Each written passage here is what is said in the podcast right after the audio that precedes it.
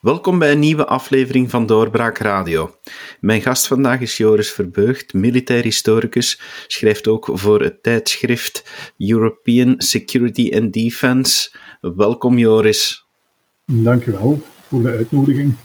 De oorlog in Oekraïne verandert heel veel in onze kontrijen, uiteraard ook op militair gebied en u bent daar specialist op als we dat nu bekijken, de, de veranderingen die er momenteel plaatsgrijpen, uh, in de eerste plaats misschien in eigen land, we geven terug extra uit aan defensie. Dat is toch echt wel een verschil met vroeger? Uh, wel, laat ons zeggen dat er, uh, ik geloof, 14 miljard beloofd is om uit te geven aan defensie.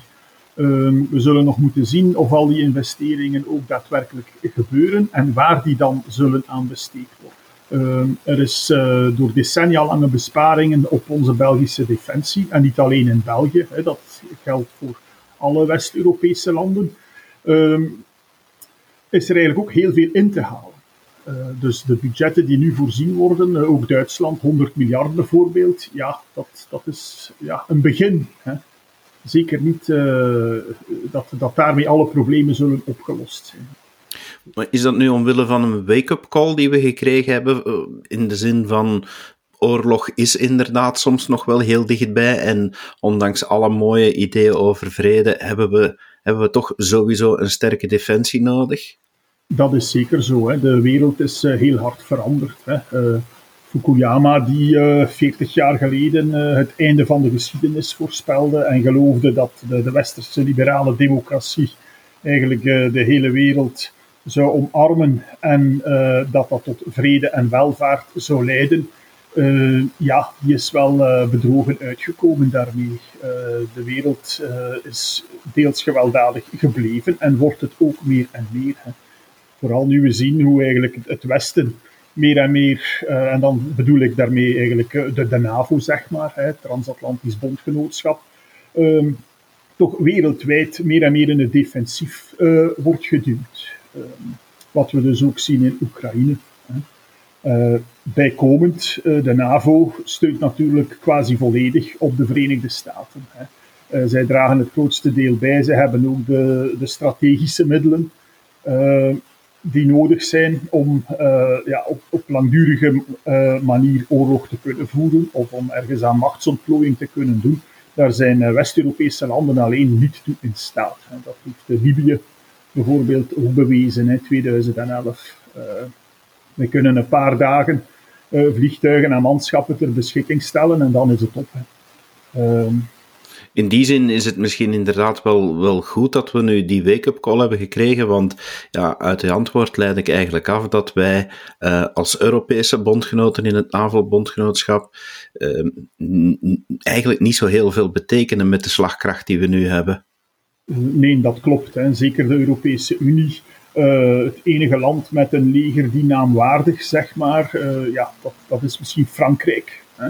Zeker sedert Groot-Brittannië de Europese Unie heeft uh, verlaten, blijft eigenlijk enkel Frankrijk over dat, zeg maar, in de wereld nog ergens zou kunnen ingrijpen of met militaire middelen ergens zijn wil opleggen. Alle andere landen kunnen dat dus niet. we hebben heel lang aan freeriding gedaan. Uh, op de NAVO. Dus op basis van de Amerikaanse investeringen uh, die onze veiligheid ook garandeerden. Maar ja, Amerikanen trekken zich ook meer en meer terug uit Europa om meer te gaan focussen op China en de Pacific in het algemeen. Waardoor dat wij, zeker met de nieuwe bedreiging in het oosten met Rusland, uh, toch wel ja, op eigen benen zullen moeten gaan staan. Uh, dat probleem is niet nieuw. Hè. Dat is al uh, meer dan twintig jaar dat Amerikanen zeggen dat uh, de Europese NAVO-bondgenoten hun verplichtingen niet nakomen. Hè. De norm is 2% van het BNP die aan defensie moet worden besteed. ik denk dat buiten Polen daar geen enkel land echt aan komt. België zit er ergens rond de 1%. Dus daar is een hele inhaalbeweging te maken het is natuurlijk ook niet alleen een kwestie van centen, maar ook een kwestie van tijd. Een uh, defensie opbouwen gebeurt niet van vandaag op morgen. Uh, laat staan een Europese defensie, waar men dus ook al decennia lang van droomt en over spreekt. Uh, we hebben gezien dat dat toch eigenlijk niet zo werkt. U gebruikt daar net ook al het woord inhaalbeweging. klopt het dan eigenlijk dat we te veel bespaard hebben op onze defensie, uh, waardoor we nu eigenlijk een leger hebben dat die naam misschien niet meer echt waardig is? Uh, dat is zeker zo. Uh, dat is ook niet nieuw. Hè. Ik vergelijk de situatie vandaag de dag graag met die in de jaren 30. Hè. Toen moest men ook kiezen hè, tussen boter of kanonnen. En de westerse democratieën kozen voor de boter, hè, dus de, een uitbouw van een sociale zekerheid. Terwijl de vijanden van de democratie, hè, dan voornamelijk Nazi-Duitsland, kozen voor de kanonnen. Ja, in 1940 hebben we gezien tot wat dat heeft geleid. Hè. Opnieuw zou men kunnen die parallel uh, trekken tussen uh, ja, een Europa, een West-Europa, met een, een Rijnland-model, sociaal-economisch, dat vooral veel uitgaven doet in de sociale zekerheid. En daar tegenover een Amerika, maar bijvoorbeeld ook een China of Rusland, dat voornamelijk inzet op defensie.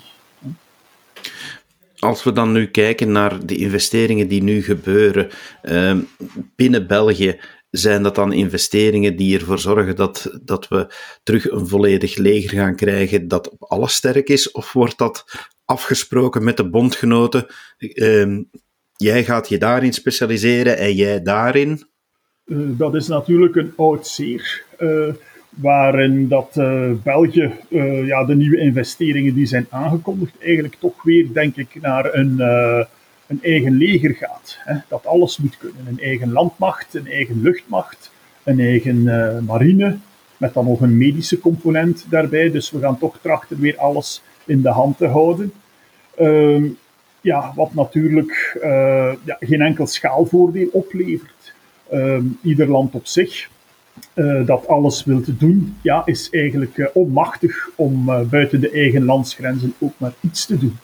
Ehm, als ik misschien toch ergens positief mag zijn, dan denk ik dat op het vlak van de marine, de samenwerking die België heeft met Nederland, bijvoorbeeld een gemeenschappelijk hoofdkwartier in Den Helder, dat dat zeker zijn vruchten al heeft afgeworpen. Hè. In het begin ging dat natuurlijk gepaard met ja, wat moeilijkheden en een aantal nationale gevoeligheden. Maar ondertussen is men heel goed op elkaar ingespeeld. Nu, uh, als militair heb ik regelmatig deelgenomen aan buitenlandse operaties en ook aan uh, multinationale oefeningen. Ik heb daar toen vastgesteld dat eigenlijk de samenwerking tussen de verschillende landen, tussen de militairen, dat dat eigenlijk best wel vlot verliep. Waar zit het probleem in Europa? Dat is natuurlijk de politieke beslissing. Want uiteindelijk is het de politiek die beslist waar en wanneer en waarom een leger wordt ingezet. En uh, daar wringt ook het schoentje. Hè. Kan men bijvoorbeeld Belgische militairen uh, onder een buitenlands bevel, ik zeg maar iets bijvoorbeeld, onder Frans bevel, ergens laten inzetten in Centraal-Afrika, wanneer onze regering vindt dat dat niet zo is, of wanneer wij daar geen belang in hebben. Omgekeerde telt natuurlijk ook. Hè. Moeten andere landen bijvoorbeeld transportvliegtuigen ter beschikking stellen wanneer België een operatie zou doen in Centraal-Afrika. Het beste voorbeeld was natuurlijk de Tweede Golfoorlog. Hè, toen uh, landen als uh, ja, de Verenigde Staten, Groot-Brittannië, maar ook Nederland en Noorwegen actief hebben deelgenomen aan de invasie van Irak.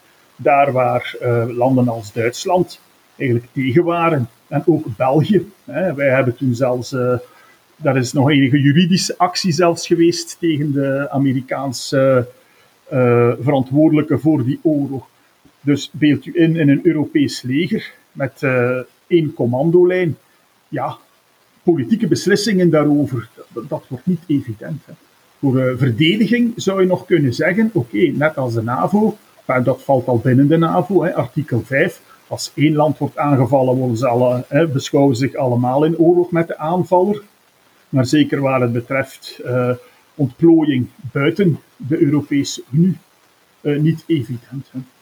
Uh, ook Frontex bijvoorbeeld uh, in het leven geroepen om de Middellandse Zee, dus om de zuidengrenzen van de EU te beveiligen tegen uh, illegale immigratie.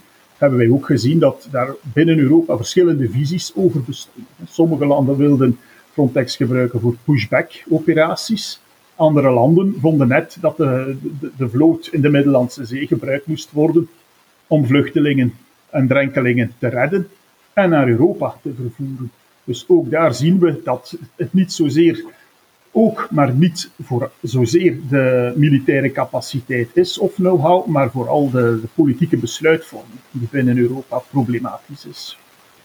Is dat dan eh, iets wat altijd verschillend zal blijven tussen NAVO en een eventueel Europees leger? Dat de NAVO een bondgenootschap is van allemaal zelfstandige bondgenoten en zelfstandige legers, terwijl Europa, als er al ooit een Europees leger zou komen, dat het een eengemaakt iets is wat niet meer onder bevel staat van de nationale structuren?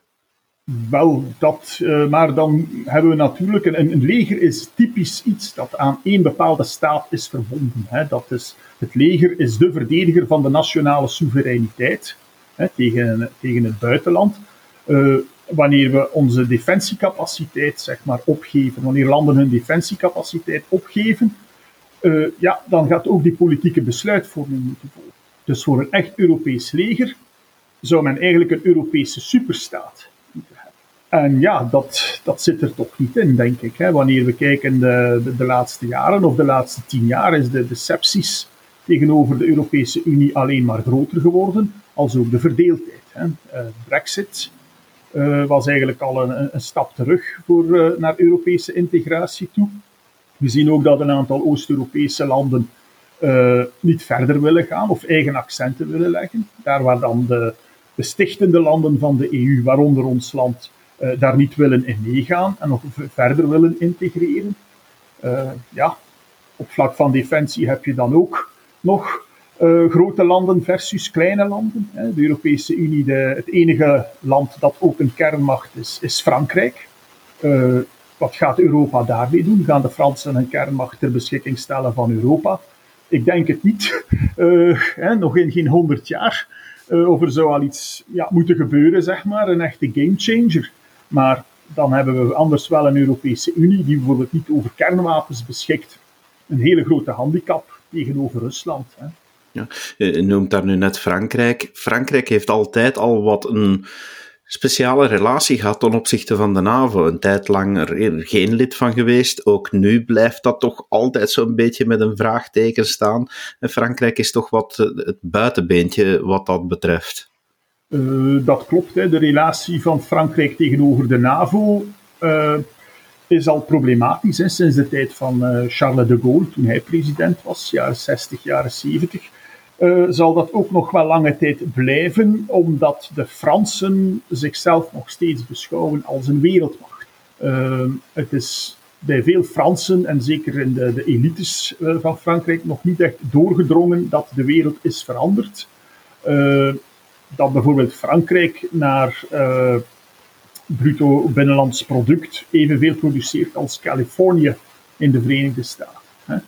Uh, opkomende machten als uh, China, Indië, maar ook Brazilië, Zuid-Afrika, Nigeria, Mexico, Indonesië, noem maar enkele, die zullen in de loop van deze eeuw Frankrijk overvleugelen, economisch en ook militair.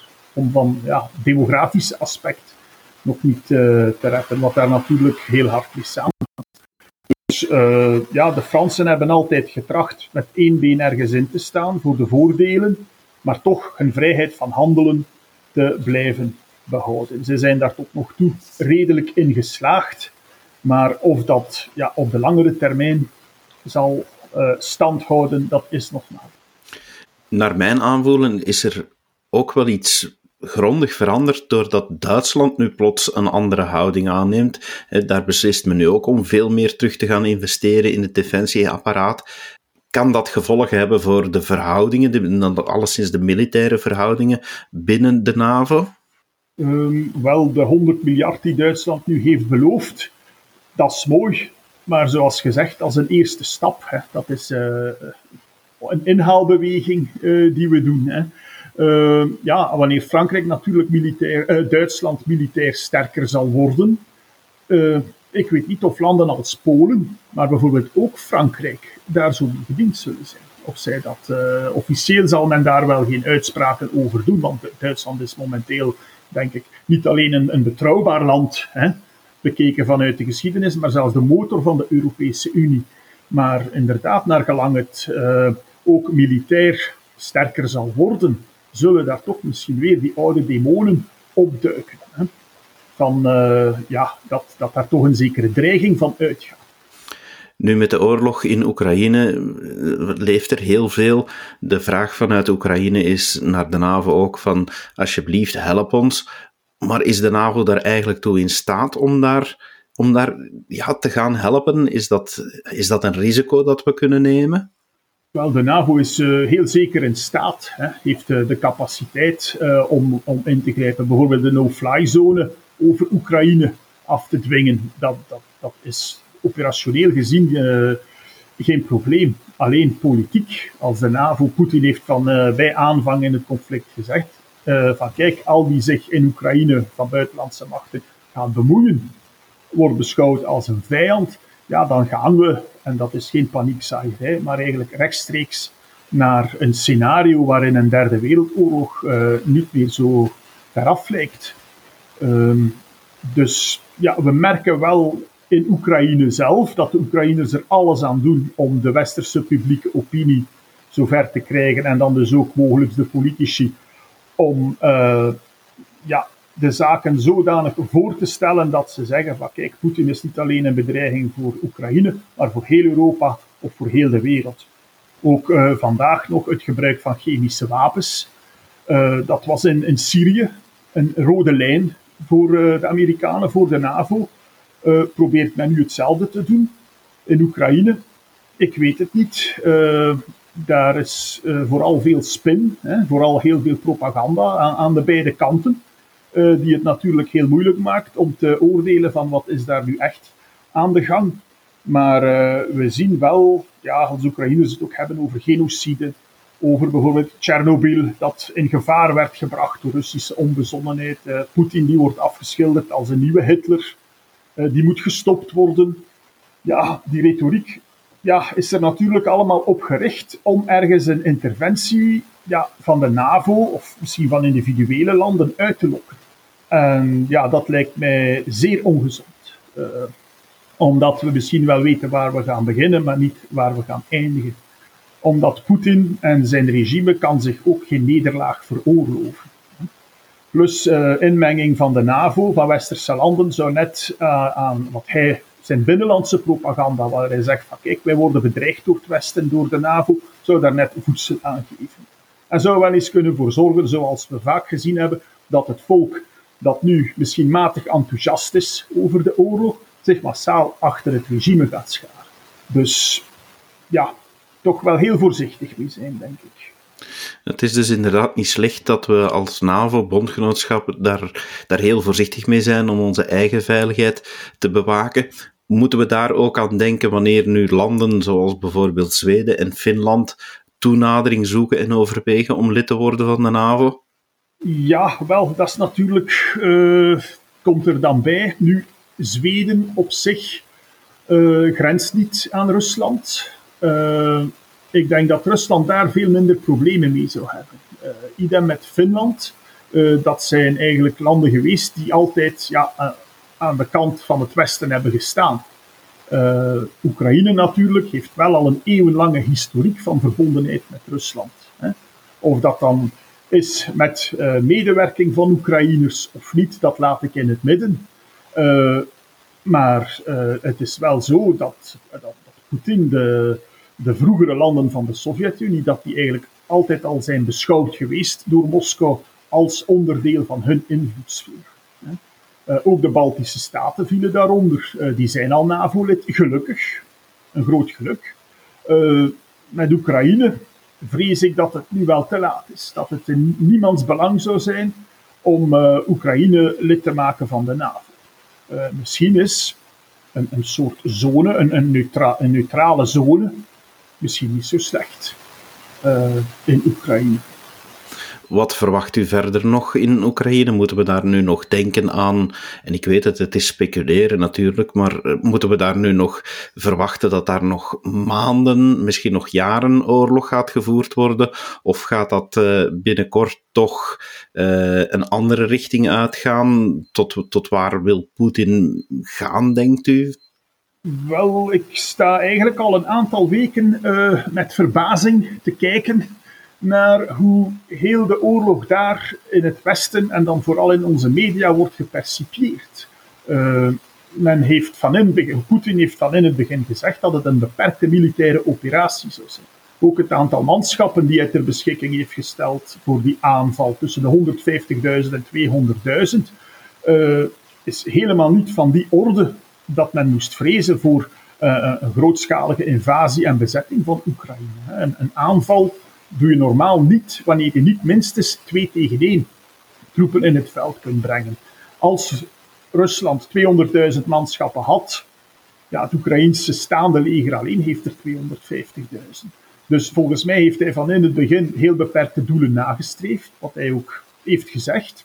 Uh, Kiev, volgens mij heeft hij ook nooit de bedoeling gehad om Kiev in te nemen, maar was dat een soort een, een dreigement. Hè? Zeker die kolonne van tientallen kilometers, bijna een, een, werkslang rond Kiev, om dan uh, Zelensky onder druk te zetten. En mogelijk zal achteraf blijken dat de aanval op Kiev, hè, of, of de, de, troepenbewegingen daar naartoe, misschien zelfs gewoon een afleidingsmanoeuvre waren. En dat het werkelijk hem te doen is om het oosten. Hè. Dus het, uh, de Donbass-regio, waar het nu wel zal gaan beginnen. Uh, daar moeten we niet aan twijfelen. Dus de oorlog is zeker nog niet gedaan. Uh, vooral niet ook ja, wanneer de Oekraïners zich blijven verzetten en met westerse wapens daar, dat wel redelijk effectief uh, daar ook in slagen. Um, uiteindelijk zal het toch aan de onderhandelingstafel moeten worden opgelost. Hè? En of dat nu voor binnen enkele maanden zal zijn, of misschien binnen 10 of 20 jaar, dat het zo een van die sluimerende conflicten wordt, zoals de wereld er wel meer kent, dat is nog af te wachten. Denkt u dat Rusland verrast is geweest dat het, dat het een heel stuk moeilijker is gegaan, die beperkte militaire operatie, tegenover wat ze ja, in, in gedachten hadden? Ja, dat, dat weet ik ook niet, omdat het onze westerse media zijn die altijd maar zeggen dat ze nederlagen lijden en dat het slecht gaat en dat het moreel laag is en, en dat ze geen onvoldoende brandstof hebben en zelfs onvoldoende voedsel. Daarmee weer natuurlijk het cliché van de plunderende Rus. Hè naar boven halend. Uh, ik denk dat zeker West-Europese landen misschien wel wat bescheidener mogen zijn voor we het uh, Russische leger gaan, uh, gaan afbranden hè, of gaan afkraken. loopt het misschien minder vlot dan Poetin had gedacht? Dat is mogelijk. maar bijvoorbeeld aantallen van verliezen, zowel in soldaten of in tanks en zo, die, die soms worden genoemd in de westerse media, ja, dat, dat kan ik dat kan ik niet geloven. Hè. 700 tanks, uh, dat, dat, dat, dat, staat gelijk met de grootste tankslagen uit de Tweede Wereldoorlog. Hè. Hoe zou dat dan kunnen? In, in toch een beperkte operatie. Waar blijven ook al die beelden van al die gevechten? Hè? Vraag ik mij dan af. Vandaag heeft iedere soldaat heeft wel een smartphone en zo. Dus dat, daar zou massa's beeldmateriaal moeten zijn. Het enige wat we zien, hè, dat is een, een Oekraïnse tractor die uh, een Russische tank uh, wegtrekt, hè, of een helikopter die wordt neergeschoten, ergens een, een, klein tactisch succesje, dat dan in de media wordt opgeklopt tot ja, proporties van het Russische leger, uh, krijgt slagen en, en, en, het gaat slecht. Goed, ik weet het niet. Hè. Ik ben daar ook niet aanwezig. We hebben ook geen enkele toegang tot, tot Russische bronnen. Hè. Een van de eerste dingen die men hier heeft gedaan, dat zijn alle Russische informatiekanalen uh, afsluiten. Dus er is weinig verifieerbaar. Uh, wat ik wel denk is dat uiteindelijk Rusland ja, dit ook niet kan verliezen. Hè. Ten eerste, Poetin kan het zich niet veroorloven, die zal tot het uiterste gaan. Maar wanneer we nog eens een vergelijking maken met Finland in 1939, de Finnen hebben toen ook hè, heel hard het Rode Leger bevochten, stand gehouden. Tot een miljoen Russische soldaten zouden daar zijn gesneuveld. Dus je zou kunnen zeggen, de militaire overwinning was aan de Finnen. Uiteindelijk bij de vredesonderhandelingen hebben ze 20% van hun grondgebied moeten prijsgeven. Dus ja, en uh, Zelensky zelf beseft dat ook. Hè. Uh, hij is ook heel moeilijk in te schatten, want hij zegt bijna iedere dag iets anders. Hè. De ene dag is hij bereid om niet in de NAVO te gaan, om de Donbass uh, te erkennen of, of, autonomie te geven. De andere dag roept hij dan weer op om, om zich met alle geweld tegen de Russen te, blijven verzetten. Ja, wat is het nu? Ja, de onderhandelingen, daar is het natuurlijk te doen. En daar hebben wij geen zicht op. Hè. Met wat u daarnet zei, ben ik beginnen te denken. Wij hebben dan misschien wel niet helemaal een correct beeld, of zelfs echt wel een verkeerd beeld van wat dat daar momenteel gebeurt. Ja, dat is ook zo. Hè. Uh, het is een boetade, maar uh, het uh, eerste wat sneuvelt bij een oorlog, dat is de waarheid. en zeker in gemediatiseerde tijden zoals vandaag, hè, waarin ook de publieke opinie een heel belangrijke rol speelt, is een propagandaoorlog. De, de perceptie die je kan brengen van het conflict soms nog belangrijker dan wat er ook effectief gebeurt. Dus um, ja, dat, uh, uh, de Fog of War heet dat. Hè? Dat is uh, de Amerikaanse minister van Buitenlandse Zaken in de, de, tijden van de Vietnamoorlog die die term heeft gesmeed. Hè? Die zegt van kijk, wij weten niet, zeker vanuit Washington of wanneer we niet op het slagveld aanwezig zijn, hebben we eigenlijk geen idee van wat er gebeurt. Hè? je weet pas echt wat er gebeurd is ja, wanneer alle stof is gaan liggen. En dan kan je zien van oké, het zit zo en het zit zo. Maar wie er nu echt aan het winnen is, wat de bedoelingen zijn van de verschillende partijen, uh, heel moeilijk in te schatten. En ik hoed mij dan ook voor bouwde uitspraken daarover te gaan doen. Uh, ja, juist om, omdat we het niet weten. Dat lijkt me een wijze les, meneer Verburg. Dank u wel dat u de tijd hebt genomen om dat even te duiden voor ons. Graag gedaan. En u, beste luisteraar, hopelijk hebt u er weer wat over opgestoken. We blijven u heel graag van extra informatie voorzien, dus heel graag tot de volgende keer. Dag. Dit was een episode van Doorbraak Radio, de podcast van doorbraak.be. Volg onze podcast op doorbraak.be/radio of via Apple Podcasts, Overcast of Spotify. Bezoek ook onze website op doorbraak.be en steun ons door een vriend te worden van Doorbraak.